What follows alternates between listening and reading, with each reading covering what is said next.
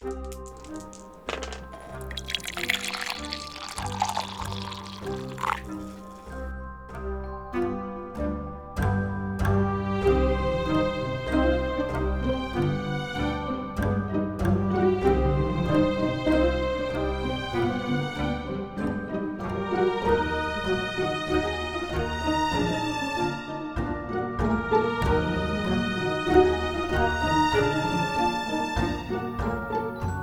lyssnar på Rollspelsfika.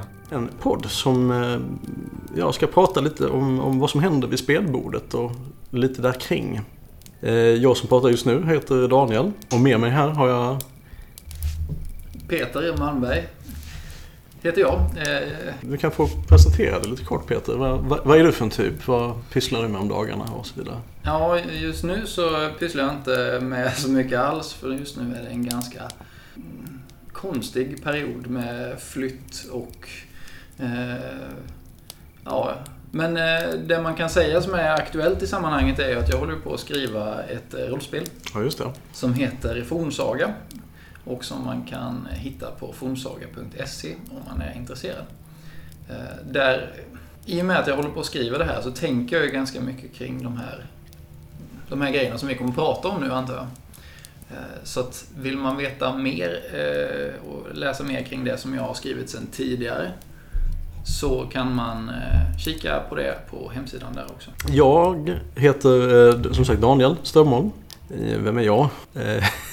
Jag har speltestat Fornsaga en hel del. Jag har spelat en hel del rollspel. Jag har spelat en hel del rollspel också.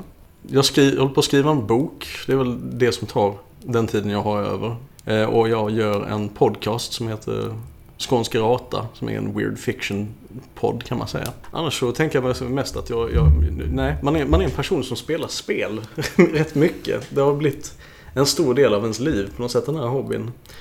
Eh, sen man började för typ ungefär ganska exakt sju år sedan tror jag det var det började. Och då började det med Vampire the Masquerade. Och den kampanjen fortgår än till denna dag. Eh, så vi har hållit på ett tag med det. Men jag spelar annat också. Jag eh, började väl eh, egentligen spela redan i gymnasiet, tror jag. Kanske till och med högstadiet nu när jag tänker efter. Då hade vi ett litet gäng, eh, fyra, fem kanske vi var, som spelade Drakar och Demoner. Eh, godtyckligt. Den största, största tiden gick eh, åt att göra eh, rollpersoner och eh, läsa böcker och titta på bilderna i böckerna. Kan man väl säga. Ja, dessa bilder. Ja, och de här spelmötena som aldrig riktigt var alls i närheten av så stämningsfulla som de här bilderna i böckerna. Så det är väl kanske det som, det som fick mig att sluta spela. Och sen så, ja, sen så började jag plugga på universitet och sånt också. Eh, men samtidigt så var det nog det som fick mig att eh, vilja återupptäcka det hela också. För, ja det var 2014, så det är ju tre år sedan. Ehm, då fick jag en, ett, ett sug efter att eh, uppleva berättelser och, och hitta på egna berättelser och, och hela den biten.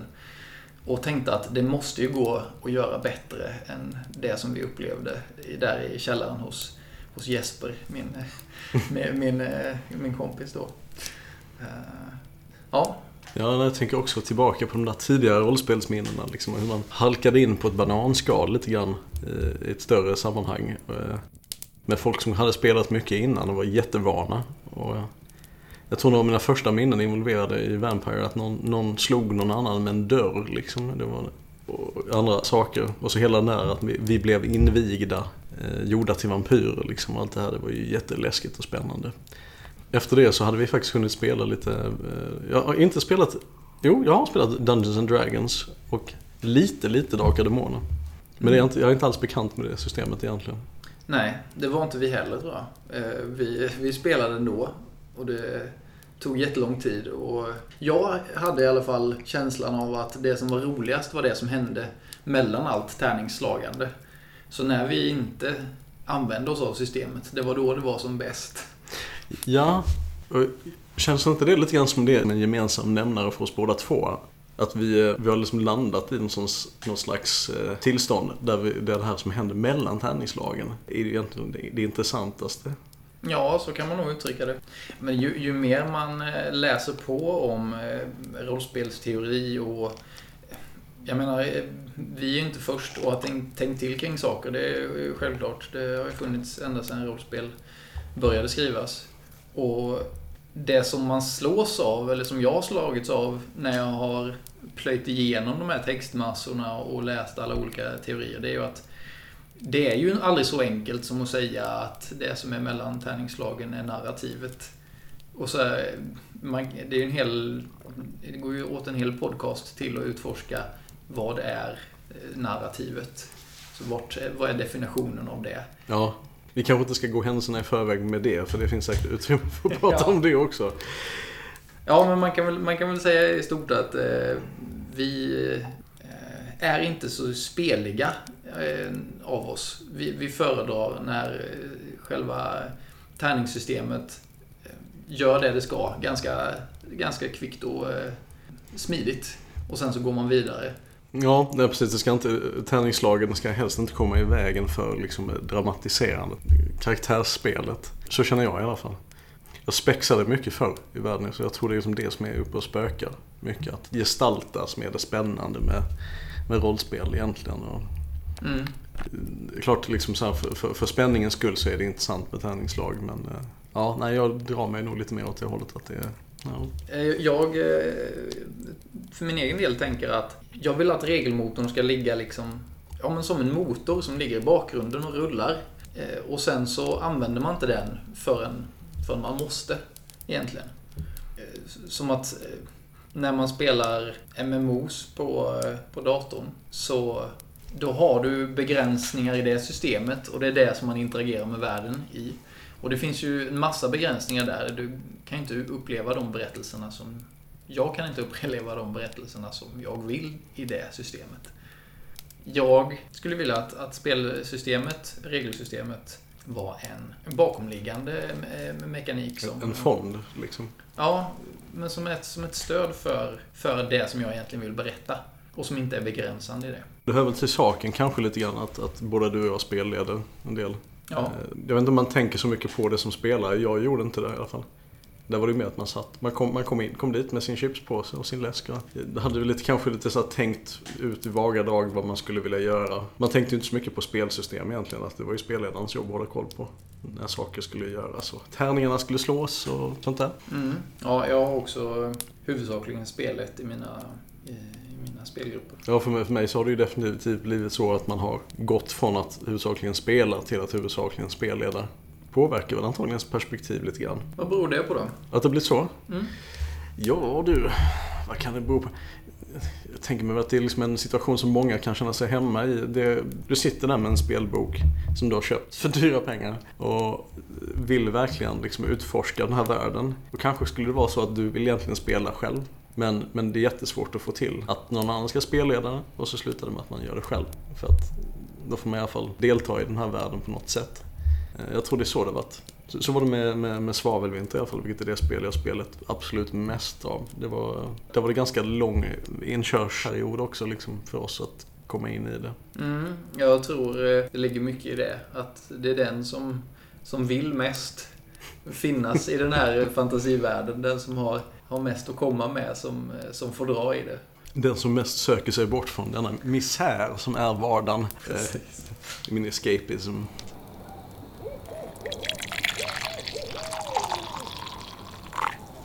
Har du tänkt på det? Bananer är jävligt gott. Alltså. Mm, ja, med jordnötssmör ja. på macka. Ja. Nej, men nu gjorde vi precis det som vi inte skulle göra. Eh, Just det. Ja. Jobbigt. Ja, men vad... vad skulle vi prata om idag? vad skulle vi prata om idag? Ja, jag, tror, det var något, jag hade någon tanke om att man skulle diskutera eh, spelgruppen. Ja. Så vad, som får, så, vad som funkar och inte funkar och liksom vad, vad våra erfarenheter är kring, kring det. Jag tror att det är något av det mest... Eh, det, det, det viktigaste som eh, man kan prata om. Och jag tror också att det är en av de sakerna som man diskuterar absolut minst i förhållande till hur viktigt det är. Jag tror inte att det är många spelgrupper som faktiskt pratar om det som de upplever vid spelbordet. Jag tror att mycket är... Ja, men jag, eh, jag tror att man, eh, man går dit och upplever det som, som händer där. Och, och sen så är det jäkligt oklart ifall alla tycker att det är kul eller inte. Men folk är där och eh, man, man röstar med fötterna. Tycker man inte att det är kul så kommer man inte dit. Men just det här att faktiskt prata om det som händer tror jag är viktigt för att lära känna varandra, för att se vad det är som kanske blir dåligt och för att eh, förbättra sitt, sin spelupplevelse för varandra.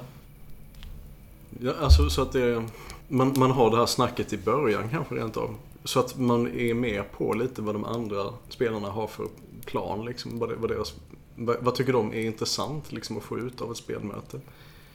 Eh, känns ju som, det är, jag vet att feedback kommer oftast på slutet av ett spelmöte. Mm. Det ofta brukar vara så här, ja vad tycker ni? Hur, hur upplevde ni det här spelmötet? Men det hade kanske varit bra att börja med, med det. Vad, vad är ni ute efter eh, i det här? Ja, men å andra sidan så är det inte säkert att alla vet vad det är de vill ha ut av det heller. Nej. Särskilt nya spelare, men även de, även de som har spelat en längre tid har ju inte upplevt allting som finns att uppleva i rollspelssammanhang. Och kanske är det som man kommer tycka är roligast, det som man ändå inte har upplevt. Men om vi kommer till en situation där vi vill, man vill peppa för att man snackar mer i sina spelgrupper. För jag upplever det också, som, som du säger, att det är jätte... Att det är ovanligt att man diskuterar liksom sina, hur man känner kring spelet i mm. spelgruppen. Det brukar ju vara så att man ja, tackar för sig och sen går man hem liksom. Ja, ja precis. Det kan ju vara, ja nu måste jag gå. Sen så tar man sin jacka och så säger man hej och så går man. Och så har de andra egentligen ingen aning om hur kul den personen hade Så eh, jag tycker att det är, det är ett eh, superintressant ämne och ett viktigt ämne. Mycket viktigt. Eh, jag funderar också mycket på varför det kan tänka sig vara på det viset att man inte snackar så mycket om det. Kommer man in i en spelgrupp till exempel med folk som har spelat innan sig. Så finns det ju, alltså märker man ju snabbt att där finns konventioner, där finns liksom oskrivna lagar. Eh, om man dessutom är oerfaren rollspelare så tänker man ju sig kanske mer att spelledarens ord är lag att det här är ramverket som finns. Det här är, det här är liksom möjligheterna för att ha kul som finns. Jag måste följa dem. Och då kanske man inte heller blir benägen att diskutera det eftersom det känns inte som det finns något utrymme för att diskutera. Och då, då stängs ju den diskussionen av redan då. Liksom, eh, om man, inte, man kanske måste vara duktig på att propsa för det som, som spelledare i början av eh, spelmötet. Att jag vill att vi ska ha en öppen dialog kring vårt spelande. Så att folk känner sig trygga att man, man kan prata om vart vi är på väg under spelets gång. Så jag antar att det handlar mycket om trygghet också. Att man vågar föra saker på tal. Och... Ja, trygghet tycker jag är en av de absolut viktigaste byggstenarna i gruppdynamiken. För eh, Ja, det, det, är lite som i fotboll tänker jag, eller någon annan sport. Att ifall man spelar defensivt för att man är rädd att göra bort sig eller att man är, mm, man är rädd för att ta plats och så vidare. Då blir det jäkligt tråkigt att titta på. Sen är jag ju ingen sport, eh, sportintresserad person ändå. Men eh, jag menar, eh, mm, jag tycker att den liknelsen är ganska bra. Att ifall det är en match där alla ger och tar och sen så det eh, för ena laget ligger under med flera mål och sen kommer de igen och så. Superintressant match att titta på. Och det är ju det som är lite poängen med, med rollspel kan jag tycka. Att det ska vara kul att uppleva det. Och, och, att, att hålla igen och spela defensivt eh, ger bara... Eh, det ger inget positivt. Nej, då, då utmanar man inte sig själv direkt. Man vågar inte testa nya gränser liksom och göra, stiga utanför sin comfort zone helt enkelt just för att man spelar citat defensivt. Ja, precis. Uh, Exakt så. Och där kan ju, ja, bara genom att snacka om det, föra det på tal liksom, som, som en grej så kan man ju kanske bygga någon form av trygghet där som gör att folk känner att de vågar pröva gränser. Och... Ja, en sak är ju bara att, att alla känner till vilka strukturer som gäller i spelet. Gör ju att eh, det finns en trygghet i det, att man vet hur det fungerar. Om jag ska ta en konflikt med den här spelaren på andra sidan bordet så vet jag om att jag kommer inte behöva stå till svars för det personligen utan det är ju min karaktär som gör det. Och jag vet om att systemet kommer backa upp det jag försöker göra. På det här sättet. Till exempel. Nej, jag, jag tänker lite kring det själv. Eh, alltså spelsituationer där man har varit där gränserna mellan, mellan liksom person och rollperson. Rollspelandet alltså görs slen, väldigt, eh, jag ska inte säga slentrianmässigt, men det blir väldigt så här, oklara gränser mellan personen och rollpersonen. Och att eh, man inte håller sig till att vara off eller on på ett sätt som det är svårt att avgöra ifall det är liksom off eller in game. Ja. Det förbistrar ju situationen ytterligare för då känns det ju som att man blir pressad på riktigt. Liksom att, eh, nej gör inte det. Nej, jag, jag håller med fullständigt. Det, och det egentligen, jag tror att i grund och botten så handlar det om olika spelartyper. Det finns ju en del teorier kring vilka olika sorters spelare det finns. Och det är, jag vet att Robin D. Laws har ju, har ju en eh, uppställning och sen tror jag att Ron Edwards har någon annan. Men, men i grund och botten så handlar det om att det finns människor som har olika preferenser. Och i en spelgrupp har man olika preferenser så då är det inte säkert att det funkar. Alla kan inte ha kul samtidigt i så fall. Du får gärna berätta vem eh, Ron, Ron Howards... Ron Edwards. Ron Edwards, förlåt ja. Ja, Ron Edwards är ju en eh, gammal räv i sammanhanget. Eh, har skrivit rollspel, jag vet inte hur länge. Men var, eller har varit, en pionjär på eh, indie-scenen eh, när det kommer till rollspel. Okej. Eh, och har bland annat skrivit rollspelet Sorcerer och Troll Babe. Sen tror jag bestämt det är Slay With Me. Bra namn. ja, det, det handlar om... Ja, det, det är suggestivt kan man säga. Ja, men han, har i alla fall gjort rollspel på ett annat sätt än alla de rollspel som fanns för tillfället när han började skriva. Så på det sättet har han varit väldigt inflytelserik när det kommer då till eh, de spelen som är på indiescenen idag. Som Apocalypse World och så vidare. Även om Apocalypse World är ju skitgammalt nu. När kom det ut egentligen? Jag ska säga att det får vi skriva i show notes. Jag vet inte. Nej, inte jag heller. Är det någon som vet och eh, kan ni, kan ni skriva det i kommentarerna? Ja. Eh, ja. Men, men som sagt, olika spelartyper. Det, det finns. Ja, man skulle kunna ta några exempel, men eh, det... vi- Vi kan länka till det, så, för det är ganska många. Men det, det är ju att det finns, det finns den spelaren som bara kommer till spelbordet för att den vill ha kul. Den, eh, ja, men den har inget fokus på att vinna, den vill bara ha trevligt med sina kompisar. Och sen finns det de som är power gamers som eh, bara vill ha den bästa utrustningen och liksom maxa alla stats och vad det nu kan vara. I andra sammanhang kallad min, Minmaxer, om jag inte minns fel. Ja, det har kärt barn, eller hatat barn, många namn. Kärt på många Ja. namn. Ja, nej. Och det, det där är liksom... Det är intressant också hur den där kulturen har växt upp kring specifika spel. va? För att vissa spelmotorer är ju sådana att, att man belönas att minmaxa jättehårt. Alltså du skapar en, skapar en karaktär och du inte gör det så blir den helt bruten och det funkar inte. Eh, tänker mer på... Jag tänker främst kanske på Planescape Torment, visserligen inte rollspel men... Eh, där det fanns liksom builds i det spelet som man kunde göra som var helt, eh, helt oanvändbara. Men att vara en trollkarl till exempel med jättehög int och karisma och sånt där. Det var liksom the best. Det var, det var så du skulle spela det. Nästan. Ja, re- regelverket påverkar ju jättemycket hur, hur spelgruppen fungerar. Eh, för att det handlar ju om att regelverket bygger upp strukturer som man använder sig av vid spelbordet. Och ifall man har ett regelsystem som inte förhindrar eller som inte underlättar för spelarna att spela på ett visst sätt så kan man ju ofta falla tillbaks på Ja, men man- faller, man faller tillbaks lite grann på att det finns ett rätt sätt att spela på till exempel. Mm, Eller att ja. man, man får en, någon form av elitism i, i, ibland spelarna.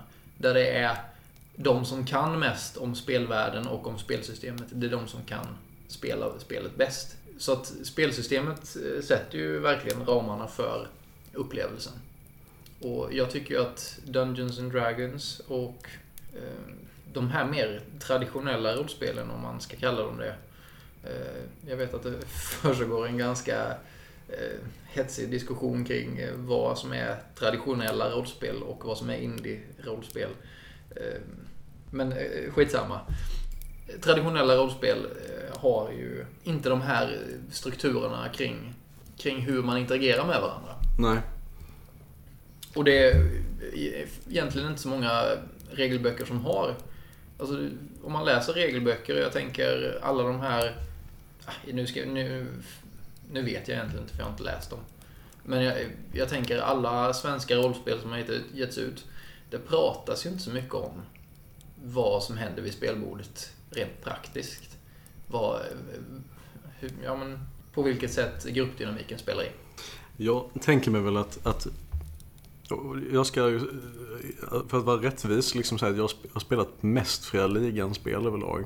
Eh, alltså, alltså spelet eh, och spelat. Och det, det är väl lite grann som du säger, i det, i det att, att det, som, det diskuteras, alltså inte uttryckligen, det finns regler eh, eller, i alla fall tips liksom om hur man kan bete sig kring spelbordet när man ska ha eh, vissa, vissa punkter i spelmötet eh, på slutet eller i början till exempel för att diskutera den här typen av frågor.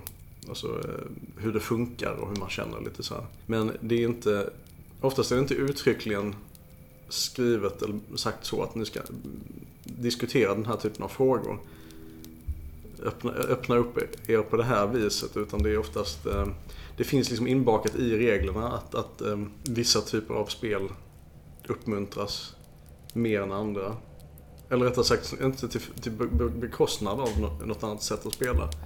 Men att, man kan vara lite mer öppen i, eh, i, sitt spel, i sin spelstil. If that makes sense. Jag, tänker på, jag tänker på till exempel Eh, ja, hur reglerna eh, kan eh, underlätta liksom för en person att, att spela som de vill. Även om det är helt annorlunda från vad resten, hur resten av gruppen vill spela. Ja, jag upplever ju att i Drakar och Demoner till exempel så lämnas ju hela diskussionen om spelgruppen helt, helt öppen egentligen. Alltså det, det står ju vad spelarnas roll är och vad eh, spelledarens roll är. Men det framgår ju inte hur de ska interagera med varandra. Eller egentligen, det framgår hur de ska interagera med varandra. Det som inte framgår är vad det är som händer med de verkliga människorna som sitter och spelar. Jag upplever att många traditionella rollspel har en förutsättning att man ska redan kunna spela rollspel. Och det gör ju att man genom någon form av kulturell överföring mellan generationer och spelare så eh, förvanskas ju den till någonting som blir någon form av kutym. Jag tänker vi är nästan inne och tangerar på liksom så här frågor om, om, om, om moderna rollspel. Ja, hur de dealar med spelgruppens eh, i termer av empowerment. Liksom att ge den enskilda spelaren mm, kontroll över sin, upple- sin egna upplevelse. Eh, och liksom att det, det faktiskt inte finns så mycket ut, uttalat om, om hur man hanterar konflikter liksom, av, av det slaget som uppstår när olika spelartyper möts Nej, precis. i, i spel. Nej, men det är väl det, är ju det du säger effektivt som jag tolkar det. Att eh, man, man hade kunnat ha liksom ett mer, en, en softare del i en regelbok som pratar mer om hur låter vi alla ta plats helt enkelt. Mm. Jag, jag tycker ju att eh, böcker som eh, Play Unsafe, som också är supergammal nu. Men eh, jag har liksom jag har försökt fånga upp alla de här böckerna som har kommit innan min tid. Eh, så nu är, jag, nu är jag snart up to date. Eh, men det, det jag skulle säga om den boken det är ju att den tar ju upp alla de här... Den relaterar rollspel till improvisationsteater. Och där tar... Eh, nu ska vi se. Det är Graham Walmsley som har skrivit den boken. Som också precis har gjort Cthulhu Dark som jag har varit på Kickstarter nu. Eh, hur som helst, den boken tar upp improvtekniker som är användbara i rollspel. Och ganska universella för alla typer av, av rollspel. Och det, hela den biten som man tar upp där, som i och för sig inte är en jättelång bok, men allt det är ju applicerbart på alla rollspel egentligen. Och det, det är ju precis den biten som han fyller på med där, som många har saknat tidigare. Kan du ge ett exempel på? Ja, han har ju ett par grundpelare att man ska... Eh, alltså Play Unsafe är bokens namn. Och den signalerar ju lite grann vad det handlar om. Det är till exempel då att man inte ska skjuta ner varandras idéer. Att man ska bygga på det som kommer ifrån de andra spelarna. Att man ska hjälpas åt att lyfta varandra. Att man inte behöver överplanera inför ett spelmöte. Alltså att man kan eh, omfamna improvisationen i, i aktiviteten. Improvisation, det är ju att det, det baseras på tillit. Ja, precis. Så vad vi effektivt sitter och pratar om och vad vi, den boken berör liksom då är på e- olika sätt vi kan etablera tillit. Ja, alltså som, så att man får en, en, grupp där man till exempel inte skjuter ner varandras idéer utan att man stöttar varandra i samberättandet helt enkelt. Mm. Men, men just det här med att skjuta ner idéer är ju supervanligt. Ja, ja. Så, och, och, och, jag menar, det är inte bara det att spelarna skjuter ner varandras idéer, men också att spelledaren skjuter ner spelarnas idéer. Det är ju superofta som man hör att, ja men, när någon frågar kan jag göra det här? Så svarar spelaren att nej, det går inte för att det är för långt. Eh, istället för att man då är intresserad av att veta vad var det nu spelaren hade tänkt där. Det kanske var en supersmart idé som jag hade velat höra. Eller som hade varit intressant för berättelsen och så vidare. Då har man eh, den här lite antagonistiska relationen till sina spelare. Att nej, nu försöker de nog hitta på någonting här som gör att de derailar från min, min, eh, min story. Och så blir det då att man skjuter ner det för man vill inte man vill inte riskera att de eh, gör någonting som man inte har tänkt. Ja, nej, ni, ni, måste stanna här borta liksom inom det inhägnade området så ni får se den här vackra världen jag har snidat ut er. Eh, titta inte där borta. Det är dumt. Ja, nu är ni på den här ön och så det första spelarna gör att de tar en båt till en annan ö.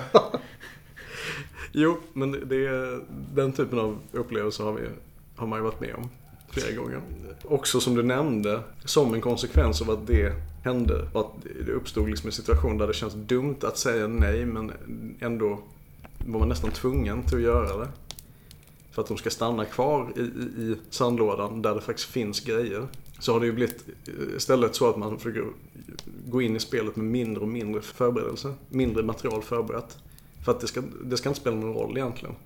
Det ska liksom inte vara liksom en point of personlig pride för mig om spelarna vill göra en annan grej. Eh, tvärtom så ska det ju vara, är det mycket roligare om jag bara låter dem göra whatever liksom och så, så blir det en handling av det.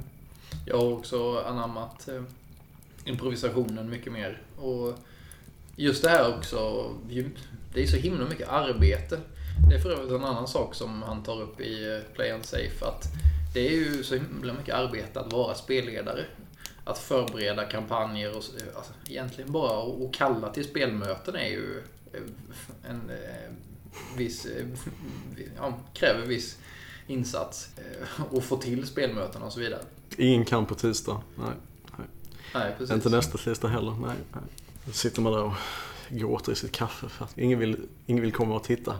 Nej, nej men så, så jag har ju också slagits av att Ja, nej men eh, behöver inte skapa mer än precis så att precis så att spelarna har någonting att göra till, under tiden som är nästa spelmöte. Och sen så får man se vad berättelsen tar vägen. Ifall man har skrivit en, en berättelse som det är tänkt att eh, spelarna ska uppleva så kommer det kännas styrt i någon utsträckning. Om inte spelarna är väldigt sugna på att låta sig styras. Så att, ja, nu när jag kom, kom tillbaks till spelandet för, för då tre år sedan så började jag med att skriva en kampanj som jag, som jag använde då för att, att betatesta Fornsaga med. Och då byggde jag det generiskt, eller ett steg i taget. Så att jag, jag, ja, men jag gjorde content för de första spelmötena och sen så under tiden som vi spelade dem så fick, fick jag nya uppslag från det som de spelade ja. under de mötena och sen så fortsatte jag bygga utifrån det ja, jag hade ju kunnat skriva hur mycket som helst som de aldrig skulle få uppleva. Och det var ju också en ganska stor andel av det jag skrev som aldrig kom till användning. Precis. Det, det är huvudbryet också. Ja, men det är tråkigt när man lägger ner så mycket tid på det.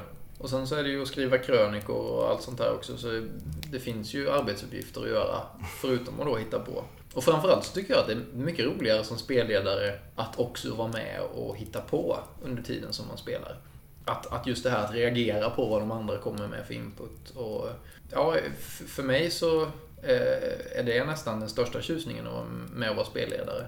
Att, att lobba saker mot spelarna, lite som i volleyboll. Liksom. Man lägger upp för att de ska kunna smasha in den och så ser man vad, vem det är som smashar och hur de gör det.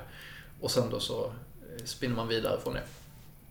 Ja, jag tänkte lite grann så här för att man har ju man har dels kraftigt rälsade skrivna stories. Där det är liksom, det här ska göras. Det här är utrymmet som ni har. Sen kan man ju köra liksom hybridstil med klassiska äventyr. Men man ger också den här illusionen av valfrihet genom att säga att ja, ehm, det finns liksom en kärn, kärnhandling. Men spelarna får också lov att hitta på egna hooks och springa iväg. E-, egna sidospår. Men jag tycker, på det här med att bygga förtroende för varandra. Så känns det som, jag, jag börjar jobba, försöker försöka jobba in det mer. För vi har kört mycket, ganska mycket rälsat, och, eller hybrid i, i mina spelgrupper. Att köra mer och mer utan planering.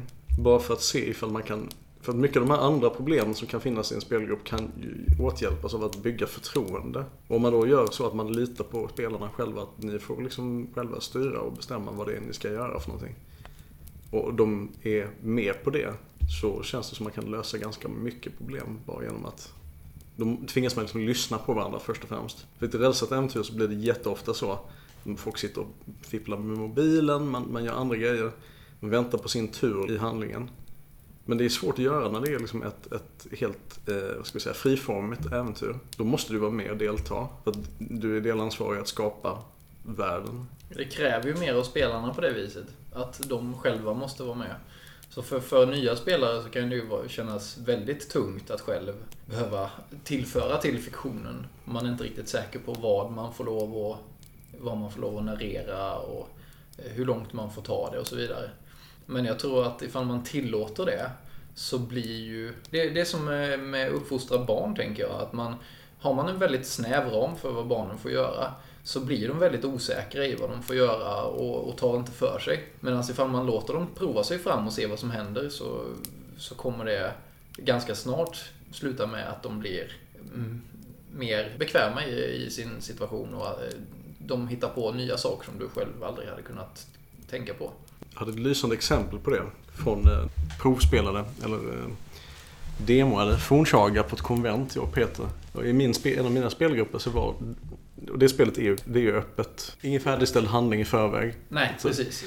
Vi, vi, kan kalla det för att ni, ni körde Story Now i någon bemärkelse. Ja, det kan vi göra. Vi kan börja använda det. Alltså, det fanns ingen för, förskriven berättelse. Nej. För, för lyssnaren så stå, äh, begriper, begriper vi nu Story Now som att det inte fanns någon förskriven handling. Det finns säkert mer i begreppet, jag kan inte det. för sakens skull, för att det inte ska bli för långrandigt. Så, där fanns i alla fall det var en liten tjej som var med och spelade. Och jag gissar att hon inte hade spelat innan, någonsin. Men eh, bara för det här exemplet av vad som händer när man, när man, när man ska lära sig simma, var kanske ett dåligt exempel. Men du, om någon, någon sätts av liksom i den djupa ändan av poolen med en gång så märker man fort ifall de simmar eller sjunker. Och i hennes fall så var det ju mer att hon bara tog över det fullständigt. Bara äg, ägde situationen till 100%. Liksom, det var precis så här det, det, det ska vara. Liksom, kanske lite för bra rent av. De andra spelarna fick inte ta så mycket plats. Men eh, i och med att det inte fanns några begränsningar och ingen hade ju sagt till henne att det skulle vara några så gick det skitbra. Ja, det är också svårt på konvent. När man spelar med människor som man inte känner och man ska försöka få in någonting på tre timmar som som ska vara underhållande där alla ska få ungefär lika mycket tid och sådär. Ja, det, det, är något av det svåraste jag har gjort, eh, måste jag säga. Men ja, det, det, framförallt det som jag tänkte knyta an till nu, jag kanske, nu kanske jag styr undan här från vad du hade tänkt egentligen. Nej, nej. Eh, men ehm, att det är jäkligt viktigt att få folk att prova på. Introducera folk till hobbyn och, och, och liksom visa upp vad det kan vara. För jag tror att många går omkring och tänker att det är en, en, ganska sluten, initierad skara som vet, som kan och som har läst alla böcker och som vet precis vad de ska eh, skriva för färdighetsvärden och så vidare. Och att man som nybörjare har väldigt svårt att komma in i det. Och jag kan tänka mig att det är många spelgrupper där man faktiskt har svårt att komma in. Men just på konvent och sånt, det är ett superbra tillfälle att få andra människor som inte har provat tidigare att prova på. Och, och där är ju verkligen öppenheten och välkomnandet, eller liksom omfamnandet av individen viktigt tror jag. Att de ska känna att det de gör gör skillnad. Det var en diskussion på rollspel.nu eh, för ett tag sedan som jag läste där de diskuterade eh, huruvida det var okej okay att använda både tredje persons eh, perspektiv och första person. Alltså om man säger jag gör det här ja. eller om man säger min rollperson gör det här. Och vissa hade ju åsikten att nej, det går absolut inte lika bra att använda det ena eller det andra. Och andra tyckte ju, ja, jag vet att det står i många böcker också att det, det, går, det går bra att, att prova sig fram. Och jag, jag tycker ju att eh, det är dumt att, att trycka på någon ett tvång att man ska ikläda sig en rollperson ifall man känner sig lite obekväm med det. Alltså det, det, känns som att tröskeln till att prova på rollspel blir betydligt högre ifall man har de här kraven på sig. För att då blir det helt plötsligt som teater. Medans, mm, ja, och är man inte bekväm med att stå på en scen så kan det vara skitjobbigt. Och då tycker jag att ifall man nu är väldigt nitisk med att nej, det går inte att blanda tredje och första person. Eh, då blir ju det att man utesluter folk som annars hade kunnat bli eh, skitkul att spela med senare. Eller de är säkert kul att spela med från första början. Men det jag menar är att i början kanske man tycker att det är obekvämt att prata i första person. Eh, så ifall man då börjar med att prata i tredje person så kommer man nog över till första person efter ett tag. Det är min uppfattning i alla fall. Eller så gör man inte det och jag tycker att det huvudsaken är att så många kan vara med som möjligt. Ja, jag har tänkt på, på, apropå det. Att spela liksom i första person eller tredje. Det, det kan ju vara... Jag tänker mig liksom att det är som när man... Alltså när man skriver någonting. Eller, eller ja, alltså i skrivarsammanhang till exempel så tycker jag liksom ofta att det, det är lättare att börja i tredje person. Jag skriver i, i, i tredje person bara men, men eh, Alltså även i, i tillfällen när man skulle ha man skriver om det sen så att det blir liksom ett första persons perspektiv så är det svårt att gestalta allting ur jag-form. För att det, det kan, när man gör det så knyter man alltid sig själv väldigt nära. Och då är det kanske så, om man inte har sina, sina liksom, vad ska vi säga, fantisa, fantis, fantisera boots på sig. Så blir det svårt att hitta på liksom, ja vad, vad skulle den här karaktären göra då? Men i tredje person så är det ju en annan person. Då kan man ju kasta lite vidare nät liksom. Och... Jag tror att det är precis samma sak som händer i, i, i rollspel. Ja. Att de som är obekväma och måste ta första, person, eh, första persons eh, perspektivet. Att just den här, det är mycket svårare då till exempel att säga till någon att du är en jävla skitstövel. Till exempel. Ifall man nu eh, agerar som sin rollperson. Alltså att ta ut svängarna så mycket och, och, och jag menar det, det är en skitintressant eh, situation. Varför eh, tycker den att det är en, en skitstövel? Alltså så här, jag vill genast veta mer om vad det handlar om. Men, men att, att då känna att oj, det, kan det vara så att det känns som att det är jag som säger det här nu när jag pratar i första person? Eh, och också om man då pratar med känslor, pratar om känslor. Eh, jag tycker att det är en superintressant aspekt av, av rollspel. Och eh, i någon mån så har jag tagit det från, från Podcon som är en annan podd som jag eh, har tyckt haft väldigt mycket bra, eh, bra snack. Och det jag har tagit med mig där är lite grann att det går himla bra att ha som ett terapisamtal under tiden som man, som man spelar. Jag tycker det är skitintressant. Så vad, vad, är det som, eh, vad är det som händer i eh, din rollpersons huvud nu när, när eh, de har precis bråkat om den här grejen? Och, och, och sådana grejer. Och att man då som spelare ska kunna plocka ur personen ur sig själv och prata om den rollpersonen i, i tredje person då till exempel. Att ja, nu var det ju Gunvald som eh, eh, blev förbannad och som var, ja, de hade ju eh, haft den här affären och sen så blev han eh, sviken och så vidare. Eh, att, att, att just att, att ha möjlighet att prata om sina rollpersoner på det sättet tror jag är en nyckel till att prata om det på ett annat sätt. som öppnar upp en annan dimension. Ja. Helt klart. Jag känner, känner mycket också att man kommer tillbaka igen här och det kanske blir liksom dagens ämne på något sätt. Tillit. Eh, att man bygger tilliten i gruppen liksom. Ja, Så- trygghet. Trygghet, ja. ja så eh, kommer ju mycket av det här eh, naturligt också som en konsekvens av det. Att man för det krävs liksom en viss, som du säger i den situationen när en person säger, skäller på en annan kanske in, i spel. Eh, För att ta det steget och göra det ur ett ja-perspektiv krävs ändå att man är trygg med de personerna man spelar med.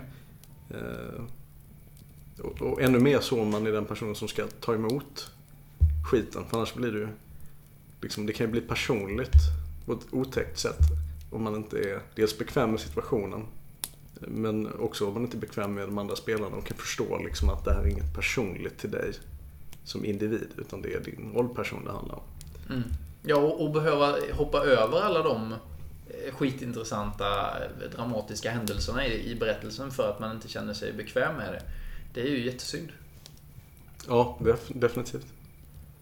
Och det som jag tänker också sen eh, som, som någon form av concluding remark, det är ju liksom att vi som spelare är ju aldrig, vi är ju inte lika. Alla har sina egna ingångsvärden.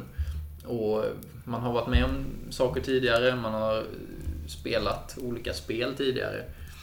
Och att många spel, eller när man pratar om rollspel, så är det många gånger att man säger att, ja, mm, man ja men till exempel att kommer nu spelarna att göra så som, som spelare, som spelledaren har, som spelledaren skulle göra? Istället för att man pratar eh, om det som att det är ju fantastiskt att spelledarna, Äh, det är fantastiskt att spelarna kan komma med helt annan feedback eller input än vad spelledaren hade gjort på egen hand. Alltså anamma att man är olika individer som tänker olika. Och att man... Eh, att man också... Vissa spelgrupper funkar inte. För att individerna är för olika. De vill inte ha, ha ut samma sak av sitt spelledande. Och då är det ingen idé, tycker jag, att, att forcera det. Och försöka hitta ett sätt man kan spela rollspel ihop. Utan då spela brädspel eller gör någonting annat ihop. eh, Ifall ni tycker det är kul att umgås. Eh, men, men framförallt hitta en spelgrupp som man trivs med och som spelar på det sättet som man själv gillar. Och det är väl kanske nyckelordet. Eh, Som, som att man ska ha kul. Absolut. Och särskilt när det är folk som är lite äldre kanske. Och har- mycket annat att göra. Så känns det ju ännu viktigare att, det, att, att man, man har skoj med sin spelgrupp. För annars är det ju verkligen svårt att motivera tiden till det. Ja. Med det så... eh, Det, det snacket. Så ska vi be att få tacka så hemskt mycket för att ni lyssnade på oss eh, i det här avsnittet. Vi eh, lär återkomma med andra intressanta snackisar. Eh, under tiden så får jag önska er en riktigt, riktigt härlig sommar, eftermiddag, kväll eller morgon eller vad det nu kan tänkas vara. Och hoppas att vi hörs igen nästa gång.